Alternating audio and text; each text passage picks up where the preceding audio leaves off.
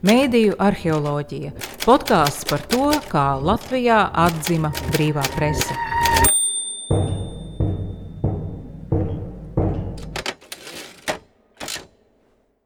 Sveiki! Satorija podkāstu studijā šodien ir Ingus Bēziņš. Sveiki!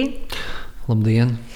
Un precīzais amata nosaukums te ir Delfi grupas galvenais redaktors. Delfi mēdīņu grupas galvenais jā, redaktors, jā, nu jau divi ar pus mēnešus. Divi ar pus mēnešus. Man vajadzēja šo noprecizēt.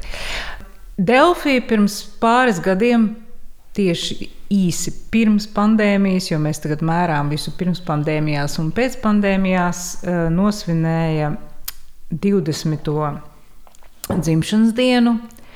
Un, ja tev būtu jāatskatās uz šiem 20 gadiem un jāsadala posmos no līdz Delfi attīstības posmos, kā tu tos veidot un kā tu tos nosauktu? Pirmais posms ir uh, no portāla dzimšanas 1999. gadā līdz aptuveni 2004. gadam. Šis posms ir interesants ar to, ka Pateicoties tehnoloģiju attīstībai pasaulē un Latvijā, auditorija savu laiku pavadīšanā migrēja uz interneta vidi, taču tagad, skatoties ar tām zināšanām, kuras mēs šos pēdējos desmitgadēs esam ieguvuši un pieredzi, notika savdabīga lieta.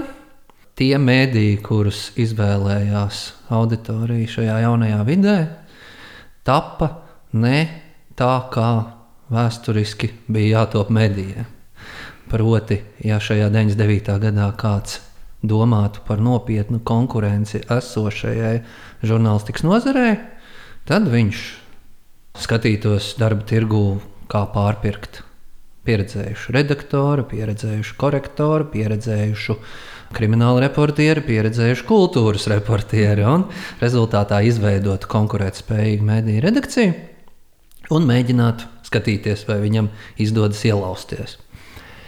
Portāli tappa kā interneta pieslēgumu operētāju firmu mārketinga instrumenti. Nu, vai nu Latvijas Telekom vai Microlink montieris aizgāja 99. gadā pie klienta vai nu privāta klienta, ak, Dievs, kādu nu privātu klientu pie valsts iestādes vai uzņēmuma, un teica, pieslēgsim jūs internetam. Klients teica, bet ko es tur darīšu? Un tāpēc bija vajadzīga tāda kā Apollo, kā Delfi. Lai teiktu, nu kā ko, palasīs ziņas, palasīs anekdotus, uzzinās laika prognozes, pačatosi. 2004. gadā tā brīža abas ziņa aģentūras, BNS un Leta, nolēma vienoties, ka nu šitā jau nu nevarēs ka šie portāli, no kuriem tobrīd jau ļoti stabili bija izveidojies lielais trīnieks, Delphi, TVNet un Apollo, nopērk no mums par smieklu naudu ziņas, piedāvā šīs ziņas tālāk pa brīvu. Un čakarē biznesu gan mums, gan mūsu pamatklientiem, proti, tradicionālajiem medijiem. Un uh, nolēma pacelt cenas ar domu, ka caur to arī portāli beigs savu eksistenci un uh, iestāsies kaut kāds veselīgs, dabīgs līdzsvars atkal Latvijas mediju tirgu. Portāli reaģēja, pārvērtējot to, kas tad mēs īsti esam un kāda ir mūsu loma šajā informācijas telpā. Un, ja līdz tam mēs savā personāla politikā un strateģiskā attīstībā vadījāmies no tā, ka cilvēkam ir jābūt ar tādām nu, digitālā redaktora prasmēm, kurš sajūt to, kas būs garšīgi, ko cilvēkiem patiks komentēt, kā izvēlēties kaut kādu saistošāku virsrakstu. Tas bija tās galvenās kompetences. Bet tas garšīgais bija no citiem avotiem. Ņemts. Jā, jā, protams, jā, tikai nevis no citiem. To vienkārši tikai no man liekas atzīmēt. Jā, jā, protams, tas jā. bija no citu avotu ražots saturs, kurš attiecīgi tika izvēlēts, pielāgots portāla vajadzībām. Mm -hmm. Tad eh, no kaut kā 2004. un 2005. gada mēs virzījāmies uz to, lai cilvēki, kuri paplašina mūsu redakciju, vai kuri turpina strādāt redakcijā, arvien vairāk būtu piemēroti oriģināla satura radīšanai. Lai tie būtu žurnālisti ar pieredzi, vai jaunie talanti, kuriem ir ambīcijas kaut ko pašiem veidot. Un līdz ar to tas īpatsvars starp oriģinālu saturu un ziņu aģentūru um, piegādāto jau nu, kļuva tāds veselīgāks. 30-40% oriģināla satura pret 70-60% ziņu aģentūru radītā. Un tā tas turpinājās apmēram līdz 2010. Eh, gadam, kad atnāca dišķibele. Līdz ar to tas uh, otrs posms būtu tāds nu, pārējais posms. Tad no 2010. līdz aptuveni 2014. un 2015. gadam iezīmējas tāds nu, cīņa par rīču posms, tā to varētu nosaukt. Ja? Kad mūsu mērķis, ņemot vērā, ka reklāmas tirgus bija nogāzies par 60%. Šo man vienmēr patīk šādās reizēs pieminēt, lai auditorija varētu iedomāties, ka Latvija bija līdera iekšzemes koprodukta uz iedzīvotāju krišanas ziņā. Tur kopā 10, 9, 10 gadā laikam mīnus 25%. Un to nu mēs apmēram atceramies, ko tas nozīmēja valsts ekonomikai, kā tika samazināts darba vietas valsts pārvaldē, kā tika samazināts atalgojums, kā cilvēki emigrēja, imigrēja uz um, ārzemēm, lai spētu nomaksāt rēķinus par dzīvokli un tam līdzīgi. Tad, uh, tas bija mīnus 21%. Tad mūsu nozare skāra mīnus 60%. Tad, uh, lai jebkurš uh, klausītājs var iedomāties, ko tas nozīmē nozarē. Tas nozīmē absolūtu krahu, nekādas vairs pēctecības, eh, kaut kādās zināšanās, prasmēs un kaut kādos ētikas principos eh, lielākajā absolūti daļā Latvijas mēdīju. Jo vispieredzējušākie, kuri sevi vērtēja pietiekami augstu, aizgāja uz citām nozarēm, ja tur viņi varēja nopelnīt sev pienācīgu atalgojumu. Uh, pilnībā izzuda kaut kāda mm, darba skolotāja loma un uh, zināšanu nodošana jaunajā paudzē. Jo pat ja tu pieredzējis, paliki medijos, tev bija jāmāca, tev, tev nebija laika mācīt, uh, un nebija arī tos, ko ņēma vietā. Bet, uh, bet tev bija jānodarbojas ar visu, ko. Uh, milzīgs uh, satura kvalitātes uh, zudums, jo nu, skaidrs, ka ekonomija uz visu nesūtīja vairs komandējumos, nefotografēja. Uh, un, un tā tālāk. Tā tā. Nu, slēptās reklāmas arī. Un plus, jā, ieaugums. protams, kā, kā vadības līmenī bija aicinājums nebūt muļķiem un neatteikties vismaz no kaut kādas iespējas nopelnīt, un rezultātā saturs degradējās pēc slēptās reklāmas. Uz tā visa fona Pie mums Delfi nekā tāda nebija. To es godīgi roku liekot uz sirds varu uh, teikt. Mēs mēģinājām izdzīvot, un par laimi mums tas izdevās godīgi. Taču tie cilvēki, kas tajā laikā patērēja Latvijas mēdīju vidi, to noteikti atcerās. Mums bija viens cits ļoti, ļoti spēcīgs grēks, un tas bija reputācijas grēks. Jo mūsu izpratnē veids, kā cīnīties par um, rīču un rezultātā kaut cik uh, nodrošināt sevi ar kaut kādu reklāmas kampaņu piesaisti, bija klikbaits. Un uh, mēs nekautrējoties metāmies aprakstīt sensacionālo, aprakstīt seksuāli uzbudinošo.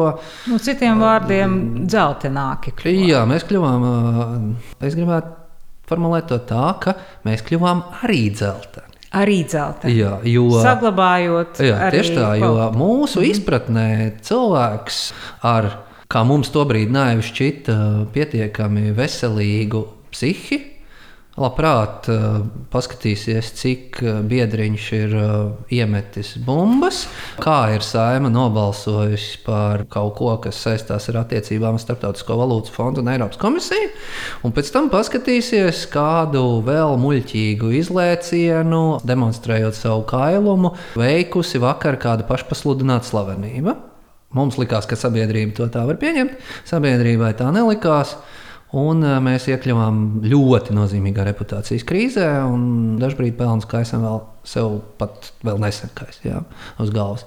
Bet labā ziņa, protams, bija tā, ka tas mums ļāva uz visu šausmu fona, kas nozarē notika, izdzīvot, uzkrāt drusciņa līdzekļus attīstībai, un tad tas nākamais posms apmēram no 2015. gada, kurš ļoti konsekventi sev realizēja 2019. gadā, kad mēs ieviesām abonējumu saturu, ir absolūti mērķiecīgs, katrā sīkumā pārdomāts virziens, kvalitatīvais mēdījis, kvalitatīvās žurnālistikas tirgus līderis šajā valstī, cenšoties līdzināties pasaulē labākajiem no New York Times līdz Helsinkinas Anamat un tā tālāk.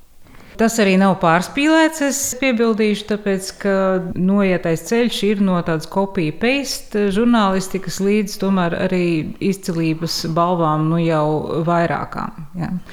Bet mani interesē, kā tajā sākuma posmā rodas šādi mārketinga instrumenti, kuros vienkārši pārkopē, rūpīgi atlasot, kuras strādās, kuras nē, ziņas no aģentūrām. Bet tā saucamajiem tradicionālajiem mēdījiem jau arī bija kaut kādi pirmie soļi internetā. Un kāpēc mēdīji, kur jau darbojās mēdīju vidē, neredzēja, ka internets nes sevī potenciālu? Latvija ir ļoti unikāla zeme. Tur es uh, pilnībā piekrītu tam, ko tu tikko teici. Ja mēs paskatāmies pa visu pasauli, kuri šobrīd ir vadošie zīmoli digitālajā pasaulē, kuriem ir visvairāk abonentu, kuriem ir tehnoloģiski attīstītākie produkti, kuri ir ar vislabāko reputāciju ļoti plašā auditorijā, tad tie ir tieši tie paši, kuri valdīja drukātajā pasaulē. Sākot no manis jau piesauktiem New York Times, Washington Post, beidzot tepat visapkārt ar Helsinkinas Annamat postimēs un tā tālāk. Latvija ir absolūti unikāla šajā jomā. Jo tas, ka tādi veidojumi, kuri kvalitatīvo žurnālistiku un digitālo abonēšanu sāka no nulles, bez jebkādas zīmola pēctecības, analogajā vidē, kā, kā mēs, kā TVNet klika. Tas, ka mums ir jābūt šiem um, salmlaužiem digitālā abonēšanā, tas, protams, ir absolūti unikāli. Nekur pasaulē tā nav. Var zināms paralēlis vilkt ar, uh, lai cik tas banāli neizklausītos, viensētnieciskumu un īpašo mentalitāti, jo tas, ka um, mediju vide nenoticēja savulaik um, digitalizācijas neizbēgamībai un vecie zīmoli laikus neinvestēja spēcīgās digitālās platformās, manuprāt, ir tā paša kaut kāda lielāka sociāla psiholoģiska procesa sastāvdaļa, kāpēc Latvija ilgstoši bija vienīgā zeme, kurā vēl vadošais sociālais tīkls bija vietējais draugiem LV, nevis Facebook. Kāpēc Latvija joprojām ir vienīgā zeme, kurā vadošais e-pasta serveris ir vietējais inbox, nevis Gmail. Kaut kas ārprātīgi pretojošs inovācijai šajā valstī ir dziļi mūsu visu smadzenēs, gan patērētāju, gan tirgus dalībnieku. Bet kā tas ir būt inovatoram šādā vidē? Jo, lai jūs attīstītos, jums nepārtraukti ir jāievieš inovācijas. Viens no faktoriem ir tas, ko es teicu, ka pēc dišķibeles mēs bijām viena no retiem, kas izgāja ar puslīdz sausām kājām. Tas nozīmē, ka nu, mums vienkārši ir iespēju to darīt. Jo tajā brīdī, kad tu katru dienu cīnies par maizes kumosiņu, tev īsti nav laika padomāt, kāds tavs produkts būs pēc trim vai pieciem gadiem. Mums pirms Covid bija laika braukt uh, uz konferencēm, uh, uz semināriem, rūpīgi tērēt laiku un enerģiju un pētīt, kas notiek pasaulē, kurp dodas mēdīņu nozare, kādas ir tendences. Un otrkārt, un es ļoti ceru, ka klausītājs nesadzirdēs šajā kaut kādu nepatriotisma noti, jo tā es to nedomāju. Mums ļoti labvēlīgi ir nostrādājis un turpina nostrādāt tas, ka mēs esam ārvalstu, proti, Igaunu investoriem piedarošs uzņēmums, un mēs regulāri varam apgūt pieredzi, kā to dara mūsu māsas kompānijas Igaunijā un Lietuvā kas ir valstis ar nedaudz lielāku labklājību, kā mēs zinām, pēc visiem iespējamiem datiem un datu tabulām, kas pēta, kā kurā valstī ir ar attīstību. Dažbrīd mūsu igauņu vadība ir sapurinājusi to kūtro latvieti mūsu uzņēmumu vadībā, ieskaitot manā personā, un tad pēc tam mēs esam paši nopriecājušies par to, ka kāds mūs, mūs sapurināja. Tu, atskatoties uz attīstības posmiem, Delfi vēsturē 20 gadu laikā, nepieminēji sociālos tīklus kā faktoru. Un es gribētu tagad pievērsties tieši tam, kā jūsu darbu Delfī eh, portālā un to, kā jūs domājat par savu auditoriju un to, kā auditorija patērē informāciju, ietekmēja sociālo tīklu uzplaukums. Kaut arī mēs ļoti ilgi turējāmies pie vietējā sociālā tīkla, ja? bet nu, tagad jau darbojamies visos.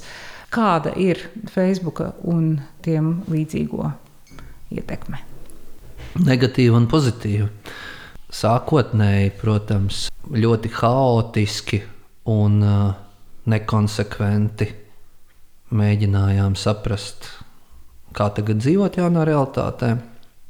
Tāds kvalitatīvs lūzuma punkts mūsu domāšanā bija 2013. gada maijs, kad uh, mēs pirmie Latvijas mēdīju vidē izveidojām atsevišķu sociālo tīklu redaktoru vienību redakcijā kuru uzdevums tad bija tikai un vienīgi domāt par to, kā mūsu saturs tiek izsēts sociālajos tīklos un kā mēs varam iegūt to lasītāju atpakaļ no šiem sociālajiem tīkliem.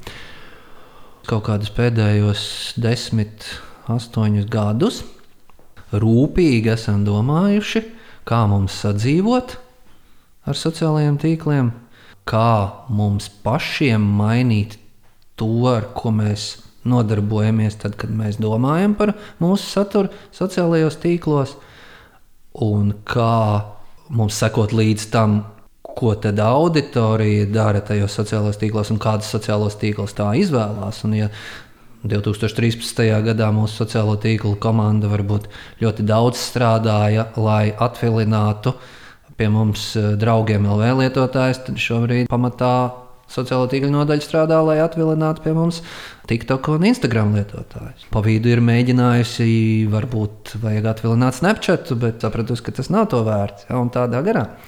Un, ja mēs skatāmies uz absolūtajiem statistikas skaitļiem par to, kāds ir ikmēneša auditorijas pieprasījums pēc tādiem produktiem kā vietējais ziņu portāli, tad mēs varam redzēt, ka vismaz šī jomā mēs esam spējuši rīkoties gana veiksmīgi, jo šīs auditorijas patiešām šajā sociālo tīklu laikmetā nav kritušās, un dažiem pat uh, ir jūtami pieaugušas.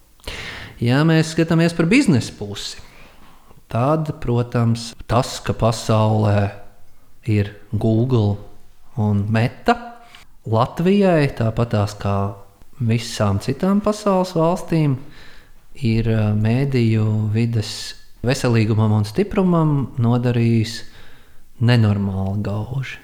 Es tagad baidīšos nosaukt precīzus skaitļus, bet nu, tā, ja apmēram visam Latvijas mēdīju tirgumam šobrīd tā kopējā reklāmas nauda, kas tiek, ir kaut kur 70, 80 miljoni eiro gadā, tad uh, ir aplēses, ka mm, Google un Metai tiek vēl kādi 120, 140 miljoni. Tātad, jebkurš klausītājs no tikko dzirdētā var apmēram iedomāties, cik teorētiski kvalitatīva žurnālistika un uh, stipra mūsu informatīvā telpa, kur, kā mēs zinām, apdraud dezinformācija un naidīgas kaimiņu valstis un tā tālāk, cik šī Latvijas mēdīja telpa varētu būt stipra, Nu, bet risinājumi kādi. Jo tas, ka Google un Meta bijušais Facebook ir nodarījis patiešām milzīgu kaitējumu kvalitatīvas žurnālistikas ražošanai pieejamiem līdzekļiem lokālā mērogā. To mēs dzirdam arī neskaitāmās apaļā galda diskusijās, dažādos politikas dokumentos tas ir ierakstīts. Bet kam būtu jānotiek, lai mainītu mazliet to? Mēs rūpīgi vērojam to, kas notiek citur Eiropā, sākot ar Franciju un beidzot ar Skandināvijas valstīm. Brīnuma nūjiņa nav nekur, bet ir virkne ar rīcībām, kuras tiek praktizētas un kuras var daļēji neutralizēt šo uh, nodarīto kaitējumu. Viena lieta ir, kā Eiropas Savienības valstis attiecas savā likumdošanā pret lielajām platformām dažādos regulācijas aspektos. Piemēram, ar nodokļu likumdošanu, vai ir iespējams piespiest viņus maksāt nodokļus. Otra lieta ar autortiesību direktīvu, tātad vai ir iespējams ar platformām strādāt tā, ka ja viņu lietotāji ar viņu meklētāju palīdzību tiek pie vietējā mediju sarežģītā satura, vai viņiem gadījumā nav jādalās ar, ar saviem ieņēmumiem. Tas būtu tā kā likumdošana. Otra lieta ir um, valstu kaut kāda politiskā griba par savu mēdīju stiprināšanu, tādējādi kompensējot to, ka nauda ir aizplūdusi. Kas ir um, divi virzieni. Viens tas ir um, sabiedriskā mēdīja stiprināšana. Sabiedriskais mēdījis mēs pieņemam ir tas, par ko absolūti lielākajai daļai nodokļu maksātāju ir morāla izpratne par to, ka jā, tas ir uh, labi, ja mana nodokļu nauda tiek šim vienam spēlētājam, jo caur kaut kādiem um, kontrols mehānismiem mēs redzam, ka viņš sniedz mums to demokrātijai vajadzīgo informāciju. Otra lieta ir atbalsts komercmedijiem, taču šeit, protams, ir ļoti, ļoti jāuzmanās, lai tas kaut kā nedeformētu tirgus spēlētāju motivāciju un spēju attīstīties atbilstoši tirgumam, lai tas nepadarītu par tādiem valsts slaucējiem šos spēlētājus. Ja. Un tur mēs vēl esam pašā ceļa sākumā. Un uh, trešais ir, nu, kāpēc tikai valsts un kāpēc tikai politiskā grība? Protams, ka pašai nozarei ir uh, ļoti rūpīgi jāskatās līdzi tam, kādas ir mūsu pašu spējas. Nevienam neko neprasot, veikt pietiekami pārdomātas strateģiskas darbības, lai iegūtu papildus finansējumu. Viens no tiem virzieniem ir strādāt ar reklāmas piesaisti tā, lai dažādi reklāmdevēji saprastu, ka hmm, varbūt no atdevas viedokļa, tomēr nav jāskrien uz to Facebook un uh, YouTube reklamēties. Varbūt to var darīt arī vietējā mediju vidē. Un šobrīd, nu, vismaz mūsu un TVNet personā, cik man zināms, mēs veiksmīgi ar šādiem virzieniem strādājam un tiešām kāpinam, jūtam savu apgrozījumu no reklāmas ieņēmumiem. Un otrs virziens ir radīt tik kvalitatīvu saturu, ka lasītājs, skatītājs, klausītājs saka, Jā, es esmu gatavs maksāt no savas kabatas abonentu maksu jūsu mēdījam par to, ka jūs man piegādājat šādu kvalitatīvu, augstas raudzes žurnālistiku. Jūs tur esat ieguldījuši savu autora un redaktora pieredzi un kvalifikāciju, un es to atzīstu par labu esam. Un tas šobrīd notiek visur pasaulē. Tā ir milzīga tendence, digitālā abonēšana.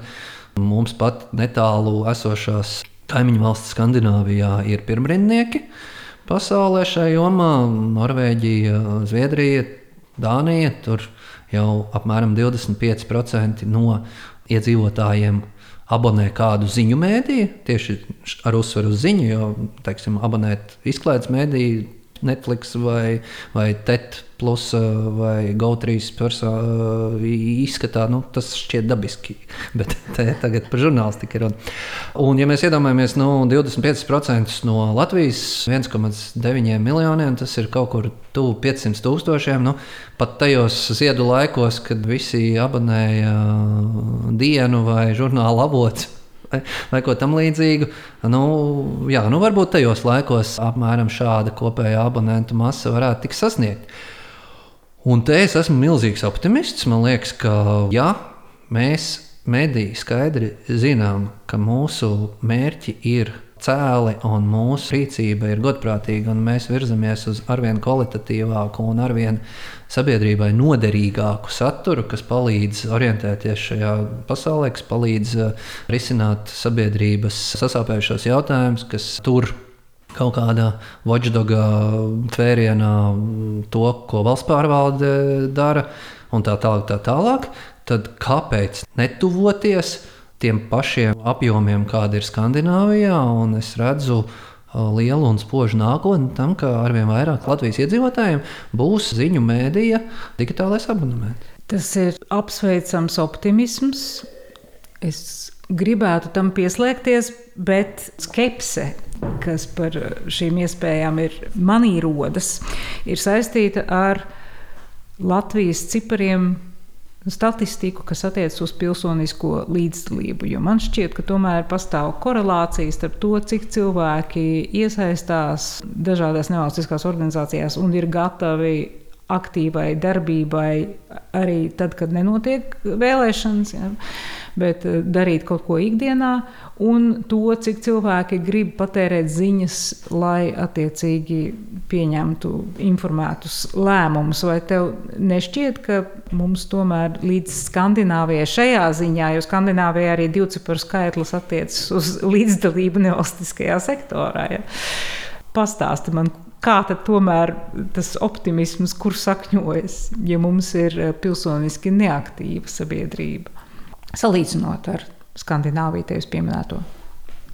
Tiem, kas mēs uzskatām, ka pilsoniskās aktivitātes līmenis ir uh, tieši saistīts ar kaut kādu demokrātijas ilgspējību un šīs valsts pastāvēšanu un attīstību, ir jāidentificē kaut kādi spēka punkti, caur kuriem jāstimulē šī apziņa. Un, uh, jāevanģelizē šī sabiedrība. Un, manuprāt, tas lielā mērā arī izdodas.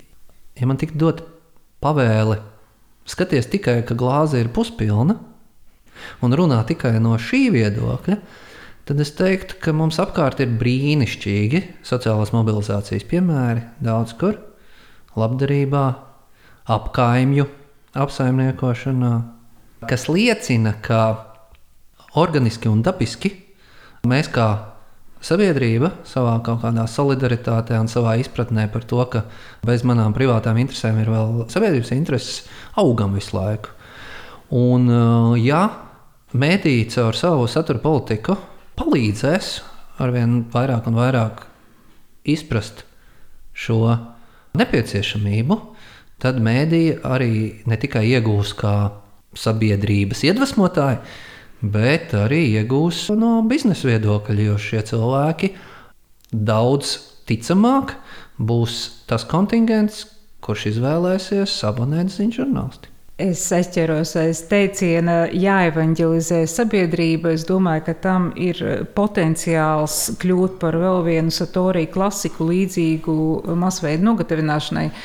Bet Pēdējā tēma, kam es gribēju pieskarties, ir saistīta arī ar reputāciju.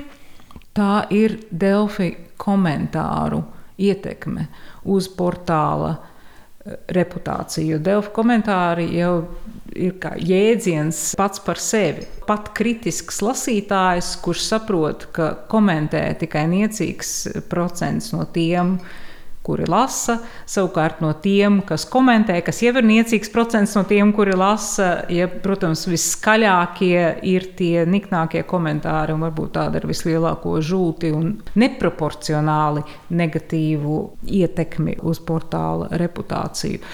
Ja mēs sākām ar to, kā tu raksturoji, kādi ir bijuši attīstības posmi Delfu 20 gadu dzīvēm Kā tu raksturotu Delfi redakcijas uztveri, domāšanu par komentāru vietu un ko darīt, lai diskusiju kultūru arī kaut kā paaugstinātu, ja mēs runājam par mērķiecīgu politiku, ko tu pieminēji iepriekšējā atbildē.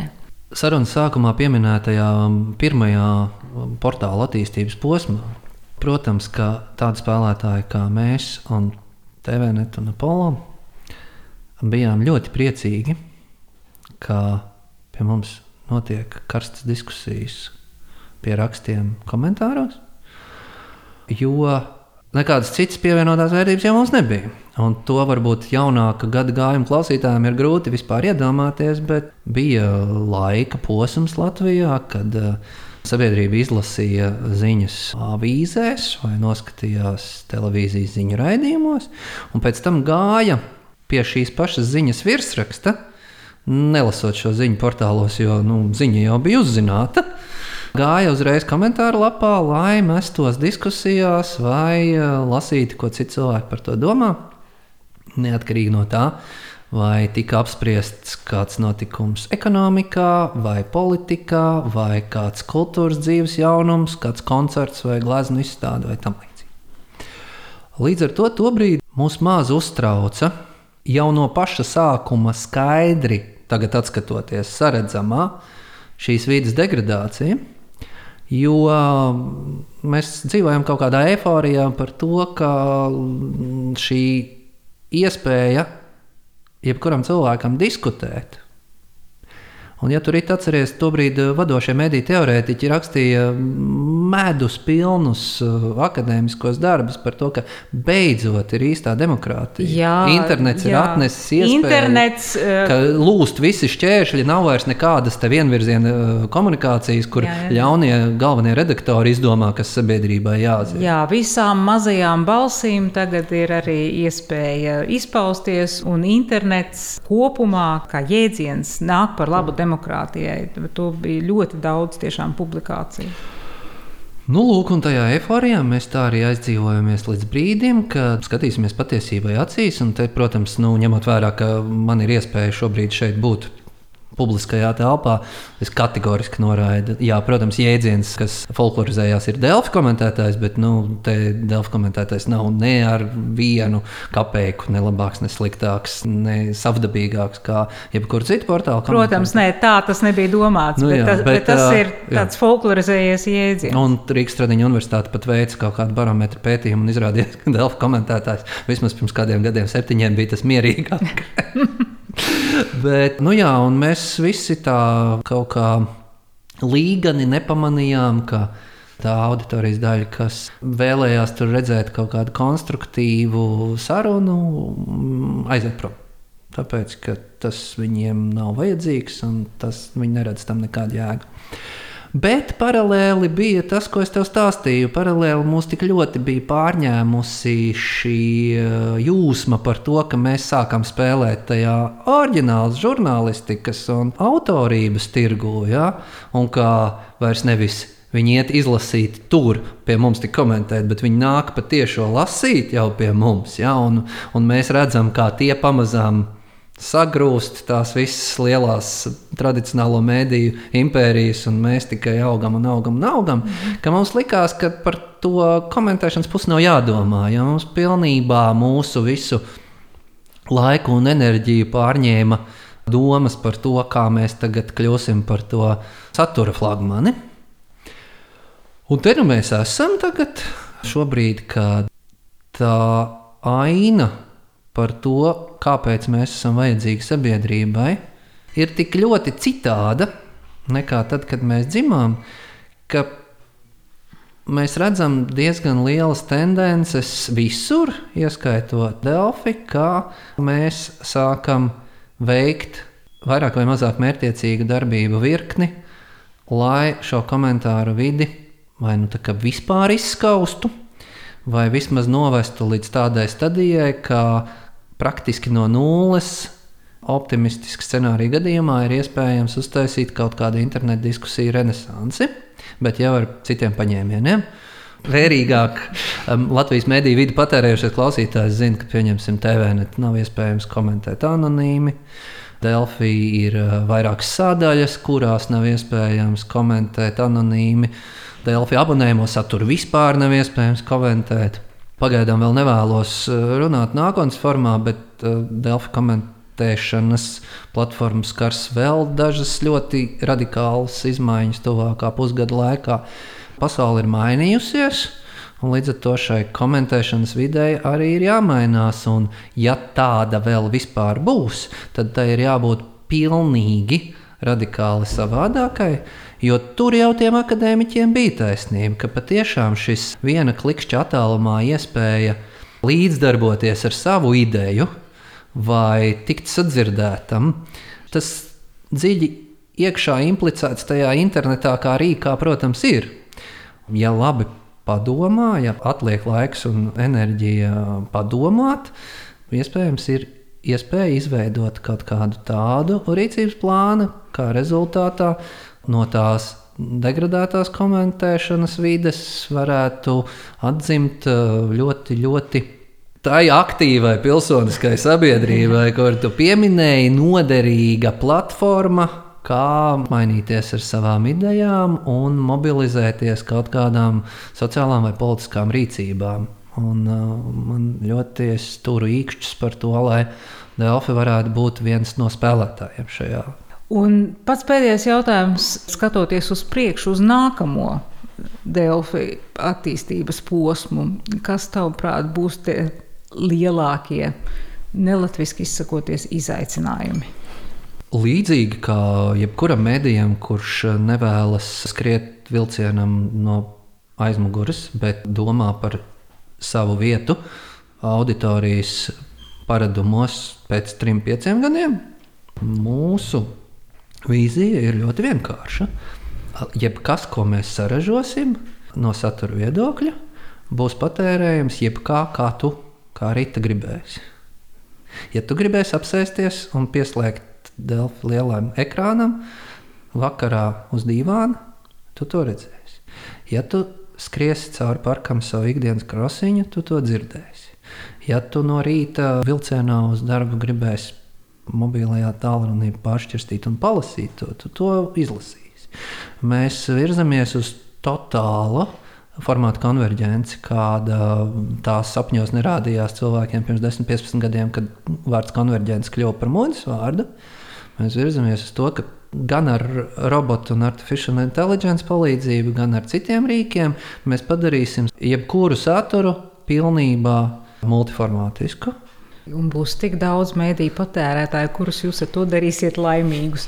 Paldies Ingūram Bērziņam par sarunu. Satorija podkāstu studijā šodien bija Delfi mēdīju grupas galvenais redaktors. Paldies! Podkāstu tapšanu finansē Mēdīju atbalsta fonds. Klausieties arī pārējos šīs sērijas podkāstus un lasiet rakstus Satorijā.